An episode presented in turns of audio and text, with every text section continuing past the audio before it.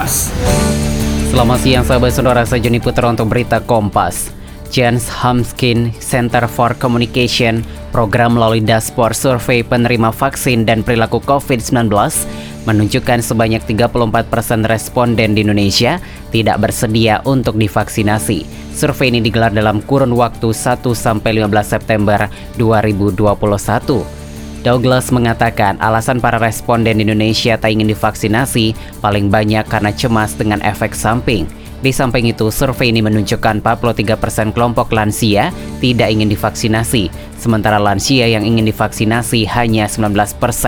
Penyebabnya, dari mereka yang tak ingin divaksinasi memiliki alasan, yaitu takut dengan efek samping 44% dan meyakini dirinya tak memerlukan vaksin 19%.